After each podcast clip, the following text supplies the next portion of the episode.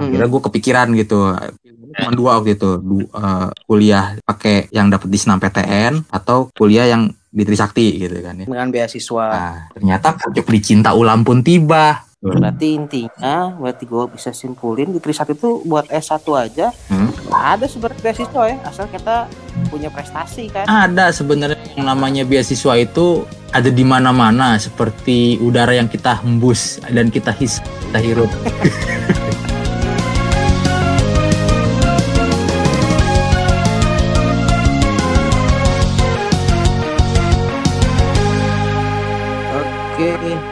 jumpa lagi di podcast Prodi Teknik Geologi Trisakti. Gua Wildan, gua kebetulan juga eh, alumni Teknik Geologi angkatan 2010. Sekarang juga jadi kerja di alma juga nih di Trisakti. Nah, sekarang kita rencananya mau coba wawancarain teman gua juga nih, sama-sama kolega juga, sama-sama alumni dan satu angkatan. Kita masuk di tahun 2010, lulus di tahun 2014 dan sekarang juga kita kerja sama-sama juga di alma mater kita juga di Universitas Sakti. Cuma bedanya eh, beliau ini lebih beruntung nih. Dia eh, dari S1 tuh lancar banget langsung lanjut S2, sekarang udah S3. Bentar lagi udah mulai sidang lah. Udah sah menjadi doktor. Oke, kita lanjut langsung kenalin aja nih teman kita Randy. Ya Ren. Oi assalamualaikum Waalaikumsalam. oke jadi kita mau ngobrol apa nih Jang Ini temanya sih katanya harus apa? Kiat-kiat untuk menempuh kuliah di katanya kayak gitulah. Gimana beasiswa dan lain. Tapi sebelumnya kenalin dulu lah. Lo dari backgroundnya gimana? SMA-nya dulu di SMA berapa? Terus Oke. gimana bisa masuk ke Trisakti itu gimana? oke nama Randy Ya, panjang-panjang Randy aja Randy doang ya? Lu ya? Randy doang Randy doang. umur Jadi- masih muda Cukup lah ya. Belum udah berkeluarga? eh, masih single Aduh, nih sambil kebetulan. sambil podcast sambil menyelam minum kalau- air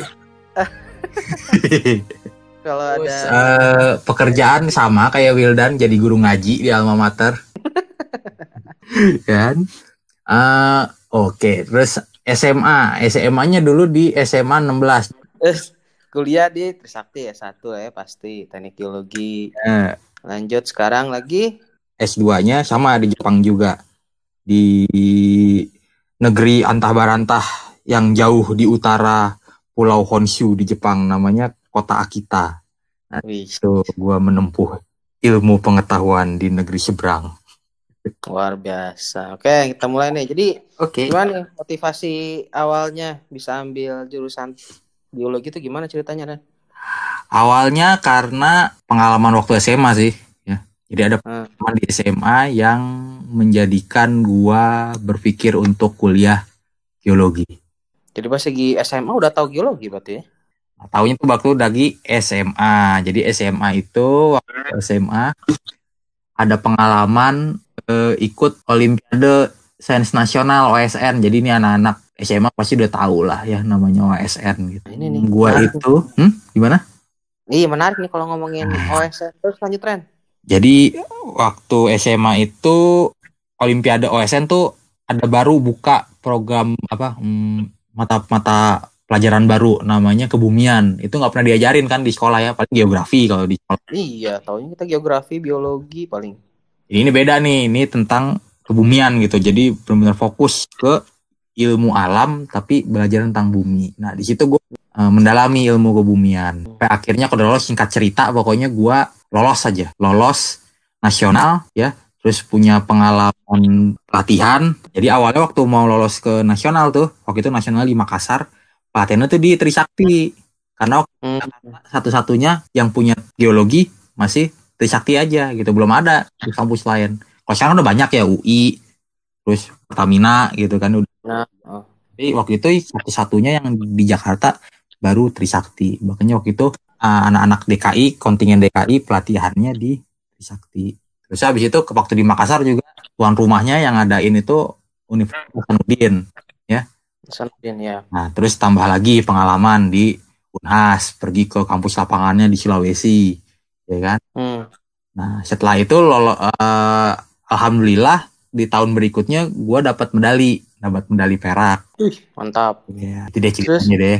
Ini sedikit narsis sedikit. Itu jadi Berarti cerita awal lu bisa Hmm. ngambil geologi gitu ya? Hmm. Lu udah dari awal dari kecil emang suka masalah kebumian, terus Hmm. waktu SMA kebetulan ada OSN, Nah, lu eh, beruntung misalnya kan, memang kerja keras juga sih lu dapat medali perak gitu kan. iya. Nah, Iya. terus kenapa lu milih Trisakti sekarang? Apa sih yang lu bikin bisa kuliah di Trisakti gitu? Dengan lu sebenarnya kan punya kemampuan lebih. Hmm. Kenapa lu pilih Trisakti? Eh, jujur aja ya, jujur aja sebenarnya gua pengennya sih di kampus yang lain. Sebenarnya gue ini program studi yang lain. Gue pengen jadi arsitek waktu itu. Nah, gue pengen kuliah arsitek. Tapi karena uh, gue lihat geologi kayaknya lebih menjanjikan karena ya setidaknya gue punya pengalaman di SMA. Kira gue berpaling ke geologi gitu kan ya. Terus gue tuh fokus sama satu kampus ya. Kita sama-sama tahu lah kampus di Bandung pokoknya Hmm. pengen ke situ tuh gitu kan pengen kampus di Bandung. Tapi ya Allah berkata lain gitu kan ya. Gue nggak keterima dua kali kuli dua kali tes di sana nggak keterima. Kan lu juga senasib nih sepedanggungan kan. Ya waktu itu gue cuma pengennya kuliah di situ aja di di Bandung gitu. Ada kok satu kampus lah udah pada tahu semua se se antero negeri kan kampusnya itu. Tapi gue kedua kali tes nggak keterima tes mandiri di sana gitu. Akhirnya coba pakai senam PTN senam PTN gue pilih dua kampus di Bandung. Yang satu masih yang itu tuh yang pilihan pertama gue Satu lagi, yang satu lagi yang agak Oh. jauhan ya tapi tapi sama-sama negeri yang agak jauhan tapi sama-sama negeri. Geologi dua-duanya. Terus gue kepilih eh, gue keterima di pilihan kedua gue di kampus itu gitu kan ya. Ya. nah nah mulai bimbang tuh gue mulai bimbang. Karena gini waktu gue dapat medali dulu ya kan pelatihan di Trisakti tuh jadi waktu itu gue bimbing sama Pak Abdurrahman Asegaf. Beliau tuh berjasa banget. Itu juga eh, waktu itu program studi geologi Trisakti sama dekannya waktu itu dekannya masih Tamr- Pak Tamrin itu serius nanggepinnya nih pelatihan OSN Mm-mm. dia bilang katanya anak-anak yang dapat medali ini nanti bisa diusahakan sama Trisakti sekolah di Trisakti bisa dapat beasiswa No. Nah ini nih menarik nih. jadi gua Terus, waktu itu gua termotivasi kan waktu itu gue bimbang gitu tetap gua eh, apa ya namanya eh, broken heart ya nggak dapat yang pilihan pilihan pertama gue gitu. tapi ya Mm-mm. gue mesti move on lah gitu kan. Akhirnya gue kepikiran gitu. Cuma dua waktu itu, du- eh, kuliah pakai yang dapat di Senam PTN atau kuliah yang di Trisakti gitu kan ya. Dengan beasiswa, Nah, tawaran beasiswa. ceritanya. beasiswa. Nah, akhirnya gue pikir begini, ah gue tanya sama orang tua aja karena orang tua biasanya pilihannya itu keramat. Gua Pastilah. Nah, gua ini aja nurut sama orang tua gue. Tanya sama orang tua gue, gimana pilihnya ke mana? Nah, orang tua gue condong-condongnya sih gue kuliah di Jakarta aja gitu. Karena kalau keluar-keluar duit kan sama. Memang di Bandung negeri gitu. Tapi kan kalau buat keluar duit ya gue mesti ngekos buat apa? Sama-sama ujungnya kan. Hmm. Bisa bokap gue juga, bapak gue nanyain nih, itu bener kan waktu di Trisakti dapat beasiswa gitu. Katanya begitu gitu. Nah coba kita urusin gitu kan. Daripada kuliah jauh-jauh di Bandung, mendingan siapa tahu nih rezekinya di Jakarta gitu kan Hmm. deket gitu kan eh, istilahnya makan di rumah gitu kan ya repot lah gitu kan udah ternyata pucuk dicinta ulam pun tiba ternyata ditanggapin sama Trisakti gitu Oh, berarti itu yang jadi salah satu alasan lu bisa kuliah Trisakti iya gitu ya Ren ya? Betul. Berarti intinya, berarti gue bisa simpulin di Trisakti itu buat S1 aja Hmm. ada sebenarnya beasiswa ya, asal kita punya prestasi kan. ada sebenarnya yang namanya beasiswa itu ada di mana-mana seperti udara yang kita hembus dan kita hisap kita hirup Ya, yang penting kan kita punya prestasi yang bisa ditawarkan. betul yang penting mah yang penting mah serius kita lu bukannya dapat beasiswa juga dan waktu kuliah Tuh. Iya pernah, tapi cuma sekali. Iya kan, lu kan- lifetime. semester 1 semester 2 lebih pinter IP-nya lebih tinggi dari gue Iya beda soalnya nanti kita lanjut bahas nanti. ya, jadi gitu ya, berarti lu intinya bisa masuk Trisakti tuh gara-gara ada pilihan beasiswa Betul. melalui lu punya eh, prestasi di OSN, punya pernah mencapai dapat medali di Perak ya, medali perak Nah, medali Perak itu yang jadi berjen lu lah ya bisa Ah. kuliah Trisakti dapat beasiswa. hmm. Nah itulah kan jadi satu motivasi buat kita kita semua nih, buat teman-teman juga yang lain Hmm. yang sedang nyari kuliah kan ternyata Trisakti itu punya beasiswa penuh juga bisa diurusin asal kalian punya eh, prestasi yang cukup menjanjikan untuk eh, ke depannya gitu kan. Nah kalau gitu kita lanjut nih. Jadi kesan awalnya gimana nih kalau besi waktu masuk Trisakti? Kira-kira ekspektasi sama yang lu awalnya pikir nggak? Kalau ekspektasi sih jujur, gue nggak punya ekspektasi masuk geologi gitu ya. Maksudnya gue juga nggak punya bayangan dulu geologi itu kayak gimana gitu karena kan kita nggak pernah belajar geologi di SMA, benar nggak punya bayangan deh gitu. Tapi setidaknya punya sedikit punya sedikit gambaran gitu, punya sedikit gambaran waktu ikut pelatihan di uh, Trisakti, terus di Jogja sama di Bandung. Hmm. Udah, udah ada gambaran gitu, gambarannya kayak gimana gitu gambaran sedikit lah gitu. Tapi kan memang waktu itu kan beda ya kondisinya nggak seperti perkuliahan gitu itu cuman kayak kos saja gitu. Ya itu tuh kuliah lap, cuma di lapangan kuliah aja, aja ya, biasa begitu. Nah, gak mendalami dalam gitu. Pas masuk ya gua surprise sama bagaimana kuliah di geologi itu gitu. Karena pertama awalnya sih gue sempet apa ya sempet kayak merasa berpikir aduh ini geologi bukan gue banget nih. Karena gue kan tipenya yang senengnya rebahan. terus terus. demennya rebahan. Nah sedangkan kalau di geologi tuh ini jujur yang gue dapet tuh disiplin utama kan. Karena ya. kita kerja di lapangan. Mau hujan mau badai mau ada petir apa segala macem kalau yang namanya kita di lapangan nggak ada kata untuk kita neduh atau berhenti terusnya juga panas-panasan ya kan. Pokoknya mental baja kan. mental baja gitu kan. Nah sedangkan ini bukan gue banget gitu ya kalau pergi ke hutan yang hutan-hutannya aja tuh gue nyakar ke kuburan kakek nenek gua gitu. Itu udah udah paling rimba buat gue gitu. Kan beda kalau lu. Kalau lu kan anak hutan emang kan. Gitu. kalau gue tuh udah paling rimba tuh udah itu deh gitu. Nah ini kerjaannya lapangan kan. Kalau karena kalau kita nggak ke lapangan kan ya namanya belajar bumi harus ke lapangan kan. Iya ya, langsung lah ya. Jadi dokter ya harus ngeliat objeknya gitu. Objeknya badan manusia gitu. Mau jadi insinyur ya mesti ngeliat mesin gitu kan ya mesti nan gitu kan. Geologis ya objeknya kan bumi ya. Kita harus benar-benar istilahnya bergaul dengan bumi itu kan. Kita harus dekat kita harus mengerti bumi itu bagaimana gitu kan. Luar ah. biasa. nih Hah? ngomong waktu di Trisakti kira-kira lu dulu waktu kuliah hmm? mata kuliah apa nih yang menurut lu yang paling lu senengin apa ya gue paling seneng tuh sebenarnya gue senengnya sama yang hard rock hard rock hard rocker awalnya Soalnya gue demen yang hard rocker, jadi yang tentang batuan gitu kan. Itu biasanya di pertengahan semester. Eh, eh pertengahan tahun kita iya. lulus ya. Semester Soalnya jujur aja nih, gue nih waktu awal-awal semester gue cukup menderita gitu. Karena gue kan lemah ya, eksak hitung-hitungan.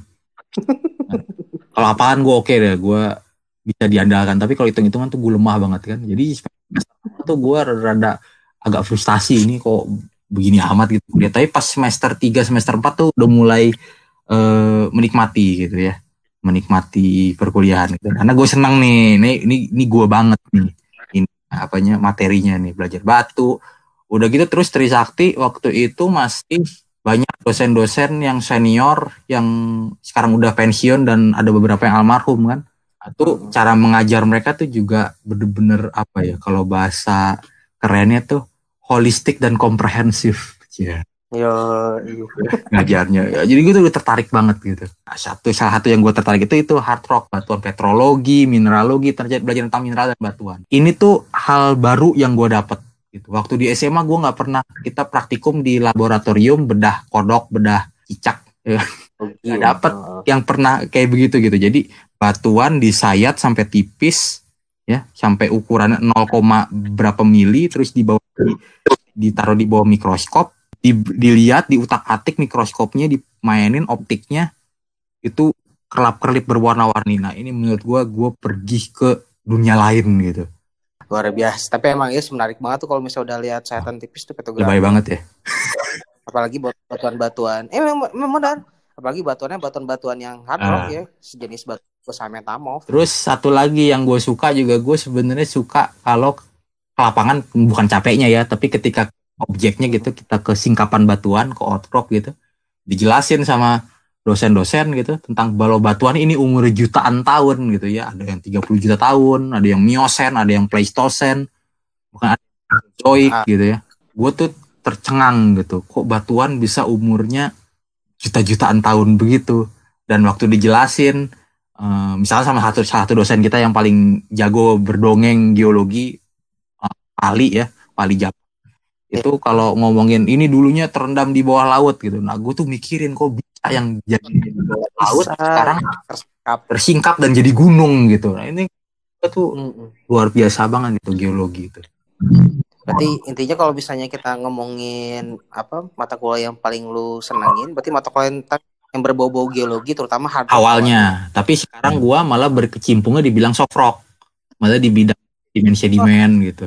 Itu bisa kayak gitu terus. ya gua orangnya pragmatis sebenarnya. Jadi nanti ada cerita lanjutan ya kenapa gue bisa beralih dari hard rocker menjadi soft rocker Berarti ini bisa gua simpulin lu kalau misalnya kan tadi lu bilang kalau misalnya lu tuh nggak suka mata kuliah yang eksaknya ya. Apa banyak Ah. hitungan. Dan itu sebenarnya kan banyaknya di semester 1 semester semester 2 semester kan. 2 semester 1 semester Makanya gue sebenarnya pasti gak awal ketemu lu pas lihat semester 1 semester 2 nih kayaknya orang gak terlalu pintar-pintar banget. 2 yes ah. Iya, soalnya kan pas lihat semester semester 2 lihat IPK-nya segini segini ah masih di bawah gua nih. Masih tahu semester deh. semester empat, tapi semester kan gua. Tapi nilai-nilai geologi dasar geodas gua kan geologi itu yang ngebantu. tinggi Oke. Ah, ah, itu itu yang ngebantu makanya pas lihat matematika, fisika, nah, itu kan yang jadi eh, terjun payung. Nah, ini informasi juga nih kan buat teman-teman yang lain nih kalau misalnya ngerasa eksaknya kurang kan, ngerasa Iya kan? Sebenarnya kan emang iya. Jadi kita kalau misalnya di geologi tuh belajarnya tuh eh kalau misalnya eksak tuh nggak terlalu banyak. teknik ya. yang nggak teknik-teknik Iya, amat nah, basic lah. Ah, ah. kita engineer, cuman kita cuman basic. Jadi kalaupun kita belajar matematika, fisika itu sangat-sangat simpel sih, yang sederhana. Jadi cukup aman lah buat kalian yang buat yang nggak terlalu suka atau kuliah atau sorry pelajaran-pelajaran Hmm. eksak ini masih sangat aman lah untuk di geologi. Jadi gimana nih ceritanya Ren untuk yang bisa beralih dari hard rock terus tiba-tiba nanti katanya pas lagi di Hmm. akhir ngambil skripsi tentang soft rock. Jadi ceritanya tuh gue ambilnya tuh mata kuliah petrologi batuan beku, batuan metamorf, pokoknya yang pilihan-pilihan tuh kebanyakan yang hard rock.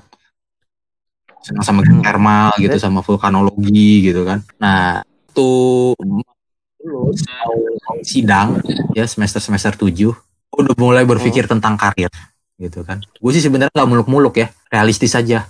Gue pengen jadi apa gitu. Gue nggak kebayang pengen jadi kerja di Pertamina atau kerja di uh, perusahaan minyak raksasa gitu meskipun gajinya menggiurkan ya atau waktu itu mikir gua mau menyelanjutkan impian gua buat sekolah di Bandung gitu karena masih penasaran nih daripada gua ntar uh, gentayangan kan penasaran ke bawah makan ke bawah tidur nggak enak kan ya S2 di, di Bandung gitu kan ya.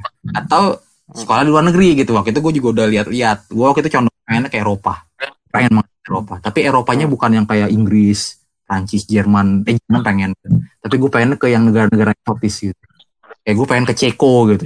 Ceko kayaknya eksotis gitu. Luar biasa. terus sekolah di mana? Slovakia gitu kan. Kayaknya eksotis Polandia gitu. Nah gue mulai browsing browsing udah cari-cari kayaknya nih gampang nih. Lihat-lihat. Gampang nih Ini sebelum Hah? lulus nih. belum belum lulus. Sebelum belum lulus. lulus. Lihat-lihat persyaratan apa segala macem. Eh tahu-tahu pucuk dicinta ulang pun tiba. Waktu itu Bu Dewi ya. Waktu itu eh, Pak Bang Ali dan Bu Dewi Pak Ali Jambak panggil gue. Ya dipanggil gue. Terus mereka ngomong bahwa ada tawaran sekolah S2 kok kayaknya pas banget gitu. Tapi di Jepang gitu. Dan bidangnya waktu itu profesornya menawarkan bidang soft rock bidang eh, stratigrafi mikropaleontologi dan stratigrafi karena jujur aja gue juga sebenarnya nggak mendalami itu nggak mendalami. Gue nggak pernah jadi asisten mikropaleontologi. Gue jadi asisten gue asisten di geologi struktur dan metrologi kan. Gue lama dulu di metrologi Ah, Nama struktur. Ah, gue nggak pernah jadi asisten. Ya pernah sih tapi nggak terlalu intens di asisten di mikropaleontologi gitu kan. Mikropaleontologi. gue lihat gue pikir wah ini kesempatan gitu. Nah gue kan tipenya orang pragmatis "Ya, kalau ada kesempatan mah ambil aja gitu ntar urusan belakangan. Ya akhirnya gue ambil gitu kan. Gue iyain gitu kan. Nah, terus profesornya juga gue kenalan sama profesornya di Jepang dan cocok gitu kan. Ya udah akhirnya tapi waktu itu Trisakti juga bilang bahwa gue bersedia jadi ngajar gitu kan. Karena jadi guru ngaji gitu. Karena yang dedengkotnya kiai kiainya nih udah pada mau pensiun kan. Mr. Harsono Iya. ya regenerasi Regenerasi ada ya, Bu berarti Suyati itu udah mau pensiun gitu. Diharapkan ada regenerasi gitu. Dan waktu itu dosen gua tuh masih dikit gitu. Gue ingat masih ada dua orang tiga orang gitu dosen muda gitu kan. Lu juga belum masuk kan waktu itu kan kan? Belum, belum. nah Lu duluan. waktu itu gue berpikir ngajar juga kayaknya enak gitu. Karena gue dulu waktu jujur aja waktu kuliah nyari-nyari duitnya juga dari ngajar gitu kan. Tapi setidaknya gue punya bakat gitu bakat ngomong ya bakat ngomong bakat dongeng, Bakat dongeng. kan. itu jadi gue pikir kayaknya jadi dosen juga oke Nga- ngaji istilahnya ngajiin geologi gitu juga oke gitu kan gue pikir kenapa enggak gitu kan nah tapi memang waktu itu orang waktu gue omongin ke orang tua lagi-lagi gue minta tunjuknya dari orang tua ternyata orang tua gue berpikir lain orang tua gue berpikir waktu itu mereka berharap kalau gue masuk geologi gua bisa kerja di minimal Pertamina gitu universitas ekspektasinya ekspektasinya tinggi, tinggi kalau kerja gitu. Pas gue bilang ini tawaran jadi dosen tapi sekolah ke S2 di Jepang gitu. Orang tua gue bengong hah? Jadi dosen? Gitu. Tapi gue coba gue coba kasih pengertian gitu. Karena gue juga dapat pengertian dari dosen-dosen. Karena Iya. bisa gue juga seneng sama ngajar gitu. Gue seneng ngajarin orang lah gitu ya. Gue seneng karena apa ya jadi jadi pahala gitu. Gue mikir wah ini bisa jadi pahala deh jadi ladang pahala. Gue juga Luar biasa. Jadi singkat, jadi singkatnya tuh intinya lu eh, bisa ngambil dari hard rock ke soft rock gara-gara ada tawaran Di S2 Jepang. di Jepang waktu itu Ya. tentang fotografi. Intinya itu ya. Nah itu ngebuka lu juga sekarang bisa dapat beasiswa Ah, di ah, Jepang benar. sekarang ya. Terus nih sebelum ngomongin lanjut ke S2 nih, gua dengar-dengar lu kemarin S1 tuh lulus. lu juga bukan kumlot dan kayaknya kalau buat itu gedean lu deh ya? Nggak, nggak, ini soalnya kalau IPK-nya Ah, kayaknya masa? lebih gede lu. Makanya- ya. Gua tuh kurang 0,03 menuju cum laude. Jadi kalau misalnya gua cum laude, nanti orang-orang pada Ini- sir gue terlalu lancar. ini gue yang gue yang ini yang bag- bagus-bagusin lu lu lu hebat lu istilahnya lu IPK tinggi Udah ini ini man of the match Apa- lagi ini lu. juga nih yang ngewawancarin gue soalnya ini nih mantan ketua himpunan mah apalah gitu kan gue kan dulu kupu-kupu kuliah pulang kuliah pulang Mana? Lu kan kemarin sibuk juga waktu jadi mahasiswa. Nah, makanya ini pengen gua tanya juga nih. Lu kan kemarin cum laude nih waktu S1. Terus emang sepertinya sepertinya kan emang lu juga Nah. banyak kegiatan di selain kuliah Nah. kan. Tadi sempat ngajar eh, sampingan kan untuk OSN. Terus sebenarnya lu organisasi juga la- jalan kan? Di IPG juga lu aktif dulu, terus di himpunan juga lu aktif. Nah, itu kira-kira gimana tuh? Tips and triknya lu bisa mengimbangi semua kegiatan lu sehingga lu bisa jadi lulus dengan sangat eh bukan sangat memuaskan dengan pujian. nah sebenarnya kumlot juga untung-untungan itu itu ngepas banget gitu. Ya makanya itu kan sebenarnya prestasi Rena. Itu makanya yang pengen Dan coba gua coba kumlot. share lah ke kumlot matematika gue masih C. orang lain.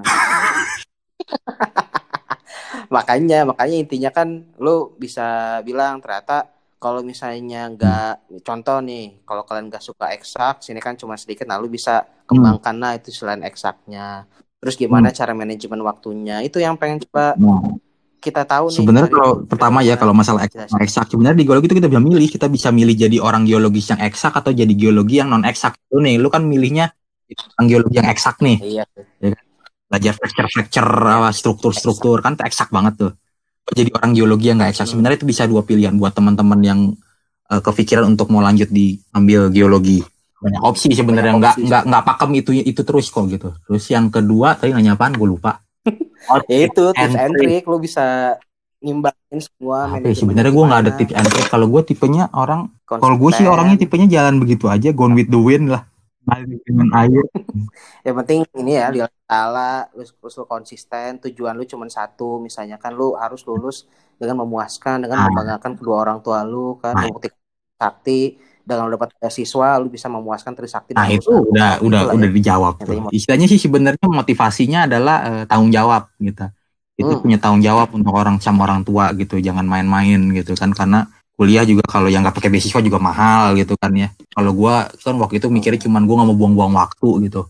Begitu lulus gua mau langsung eh, apa namanya balas jasa-jasa orang tua lah gitu. Orang tua udah banyak ingin kita udah ngegedein kita sampai bisa kuliah gitu kan. Gue sebenarnya motivasi gue cuman itu aja gitu. Berarti intinya sebenarnya kalau di Trisakti kan kuliah nggak sulit-sulit banget lah ya. Yang penting kalau kita kuncinya itu rajin bisa manage waktu kapan kita harus belajar kapan kita harus berkegiatan di luar kapan kita harus main. Pokoknya nyantai aja, sebenarnya nggak- memuaskan ya Ren ya. Sulit juga nggak sulit. Iyalah, Nah. benar. Terus nih, lanjut nih kita ngomongin Oke. beasiswa lagi-lagi nih yang Hmm. lu lanjut S2 terus Hmm. sampai sekarang S3 di Jepang. Jadi intinya kalau misalnya yang gua tangkap tadi dari cerita lu, lu dapat eh, informasi S2 dan S3 di Hmm. Jepang itu dari Trisakti juga tuh ya. Lewat Bu Dewi sama Bang Ali itu Hmm. ada profesor datang dari Jepang. Hmm. Nah, ada studi ya, Ya. ke di Jepang. Berarti intinya eh, Trisakti itu di sini bisa membuka eh, peluang beasiswa dari yang pertama lu masuk S1 dengan prestasi lu dengan OSN yang punya medali, kemudian dilanjutin dengan ternyata lihat progres lu di kuliah itu sangat cemerlang. Saya kan di sini kan lu sampai sampai cum laude kan. Sampai lu ditawarin lagi Hmm. kan di sini beasiswa buat lanjut ke S2 dan S3 di Jepang sebenarnya kan. Gimana nih ceritanya nih kuliah di luar apa ada Hmm. perbedaannya atau misalnya kesamaannya apa sama di eh, Trisakti terus perbedaannya gimana dari segi kurikulum atau Hmm. dari misalnya jadi kebiasaan di sana tuh gimana coba ceritain dah. Sebenarnya kalau misalkan mau kuliah S1-nya enggak misalkan S1-nya belajar tentang struktur gitu, S2-nya petrologi juga nggak jadi masalah. Cuman kebetulan gue eh bukan kebetulan qadarullah gue belajarnya belajar itu S1 jadi lanjutnya lanjut itu lagi dapat kesempatan kesempatan itu. Eh, sebenarnya gimana gue lupa. Itu ya itu jelasin itu gimana eh, apa kesamaan dan misalnya perbeda perbedaannya lah antara Ah, perbedaan. Ya pastilah ya kalau kuliah S S hmm, satu di Ja- Indonesia gitu. Gua kan istilahnya nggak ada waktu jeda nih, nggak ada rehat. Hmm. Begitu lulus langsung berangkat lagi gitu ya.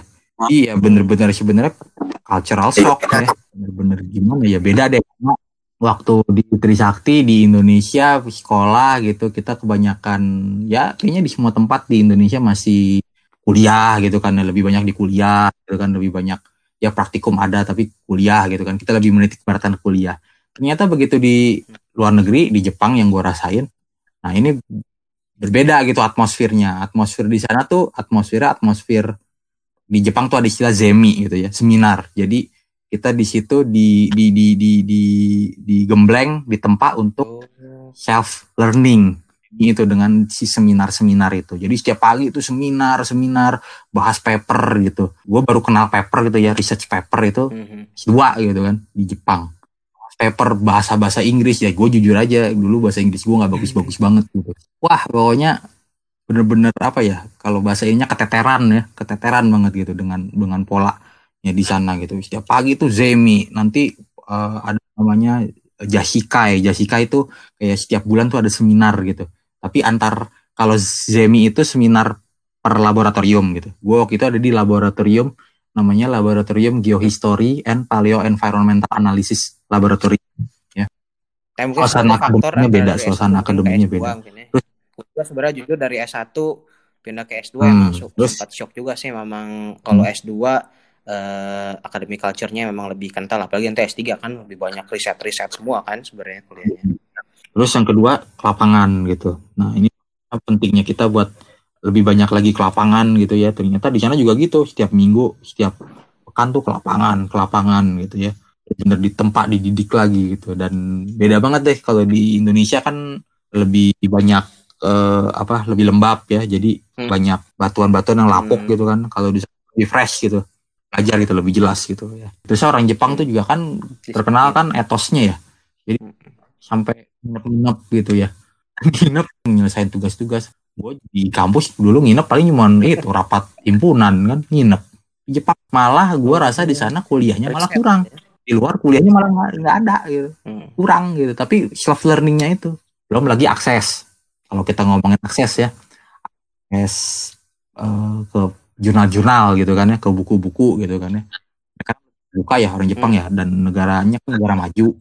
Jadinya lebih ya lebih bisa mengakses kan dibanding ya kalau kita kan Indonesia tahu sendiri ya akses jurnal kan Yes, itu Paling di pakai sensor harus itu. Terus jadi ya kiat-kiatnya Nah, gimana itu. nih kan tadi Makanya. bisa dijelasin kan Nah. S2 dari S1 kemudian F2 akademik culture-nya beda terus Hmm. kegiatan yang lebih intensif Hmm.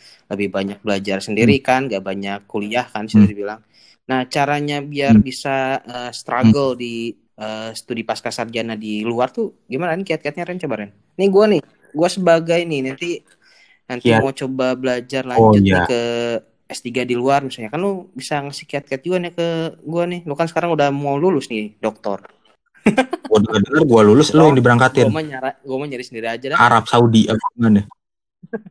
Apa ya mau ke Amerika ke Kanada? Coba coba Cia. kasih kiat dong. Jadi apa ya? eh, pertama sih kalau mau sekolah, gue yang gue rasain banget ya kemampuan berbahasa asing, terutama bahasa Inggris. Itu penting banget gitu. ya terlepas dari semua kita harus disiplin harus apa harus apa harus apa orang yang punya kemampuan berbahasa Inggris lebih itu dia punya kesempatan lebih besar gitu dibandingin orang yang dan ini gue ngerasa ya teman-teman gue juga gitu teman-teman gue kita kan juga banyak teman angkatan kita kan yang sekolah di luar kan yang dapat beasiswa LPDP lah dapat beasiswa perusahaan lah dan kalau ini kan mereka yang dapat dapat itu yang punya kemampuan berbahasa Iya, Inggris lebih kan dibandingin kita kita iya pertama yang bahasa Inggris ya.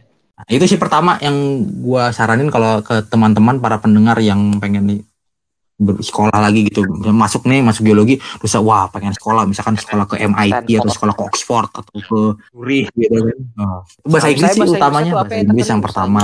Speaking diiniin atau writingnya atau gimana tuh? PD PD jujur aja sekarang gua nggak nggak nggak terlalu mempermasalahin gua tenses verb apa segala gue bikin paper juga yang penting kalau Iya. kerasa enak enak aja udah. Pede ya poin. Iya, yang penting pede. Itu yang gua rasain gitu. Gua ikut pertama kali seminar eh, apa namanya eh, audiensnya tuh berbagai macam negara waktu itu di Jepang di Tokyo gitu itu bener-bener apa ya gemeteran kaki gua gitu karena bahasa Inggris Mhm. gua paling kacau kayaknya di situ Gua paling parah deh gitu tapi lama-lama lama-lama ya gua berusaha itu berusaha Pede. Nah itu yang kedua, yang kedua itu PD. Bahasa Inggris pertama, yang kedua PD. Artinya kita jangan merasa bahwa ah kita nggak punya ilmu apa segala macam. PD aja gitu, PD aja dengan apa yang kita punya. Dan yang ketiga jangan pernah puas sama ilmu gitu, karena semakin kita selamin kita kita arungin ilmu lah semakin semakin kita baru sadar bahwa Iya, ilmu itu terlalu luas gitu. Dina. Belajar terus, belajar terus, belajar terus. Nah, nanti, nanti sisanya yang soft, soft skill, soft skill lah. Kayak misalkan tahan-tahanin gitu. Kalau jadi apa kuliah di Jepang gitu. Jadi omelin sama kalau di Jepang sensei. Ya di sama sensei kita tahan-tahanin aja gitu ya saya mau ngomong apa ya udah kita terima aja lah gitu yang penting buat kebaikan luar biasa Gitu ya, ceritanya. pengalamannya itu. harus dicontoh nih buat gua nanti ke depan buat ah, enggak banyak yang lebih lebih lebih hebat dari gua gitu senior senior kita di Trisakti banyak kan yang yang sekolah di luar dan udah, ya udah ini sukses kan yang gitu kan buat ya kita kita yang millennials ini kan lu lebih inilah bisa ber, bisa Hmm. sharing pengalaman lebih intens. Soalnya kan lu secara dari S1 S2 S3 gitu kan sekarang udah hampir mau lulus S3-nya cukup lancar lah semua dibukakan pintunya untuk lu bisa sekolah lebih tinggi. Kayak satu salah satu contoh eh, motivasi gua gitu yang membuat gue jadi pede gitu ketika kali satu ketemu gitu sama orang geologi juga gitu. Terus dia tanya dari mana? Dari Trisakti gitu. Terus oh Trisakti saya punya teman tuh. Eh, sekarang dia di Inggris gitu Eh, kerja di konsultan di sana lulusan Trisakti gitu oh ya gitu kan kayak misalkan wah ternyata Di lulusan mana-mana ya. Tuh oke juga gitu banyak Berarti, ya itulah berarti gitu. emang kita juga selain ya itu kan satu lu bisa dibukakan jalan untuk bisa kuliah sampai yang paling tinggi nih ya. Eh, Hmm. akademis paling tinggi kan S3 kan dokter. Kayak itu kita juga punya alumni-alumni yang sudah gitu. berkecimpung di dunia profesional yang yang sudah tersebar seluruh dunia ya, betul ya?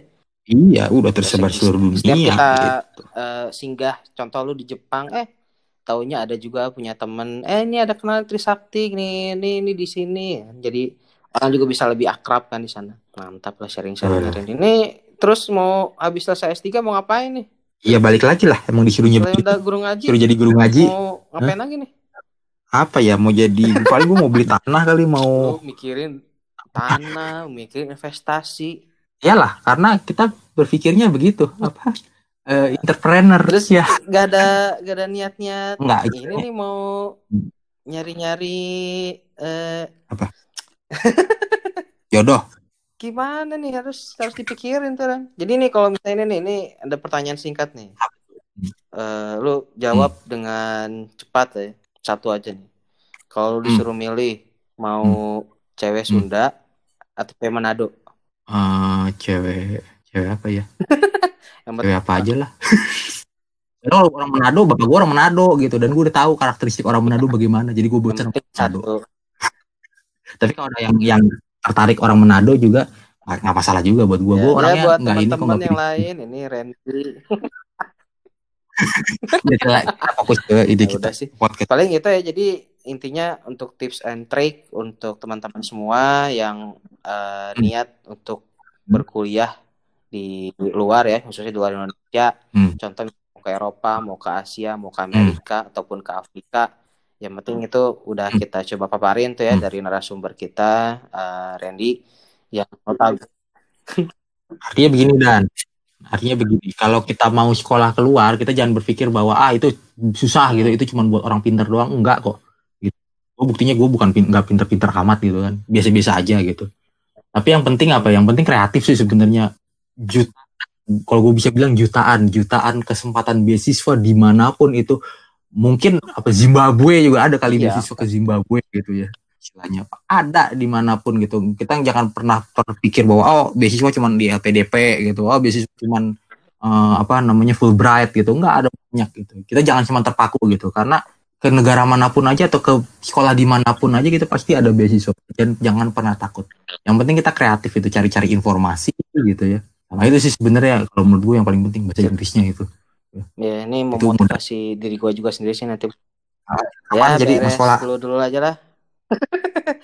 Uh, Oke deh. Udah, gitu aja mungkin ya teman-teman yang lain buat yang lagi? dengar podcast dari kami. Sekian tips and trick ya khususnya untuk yang buat kalian-kalian semua yang ingin dapat beasiswa bagaimana caranya dipaparin oleh Randy ya khusus di Trisakti juga dia udah jelasin tuh sebenarnya okay. Trisakti juga punya beasiswa asal kaliannya mau dan mampu untuk mengajar beasiswa tersebut untuk S2 dan S3 tadi udah disempet jelasin juga sama Randy itu aja mungkin ya Oke sip. Oke. Oke sip. Buat semuanya selamat di sini udah selamat pagi ya. Selamat pagi sampai jumpa kembali. Assalamualaikum okay. warahmatullahi wabarakatuh.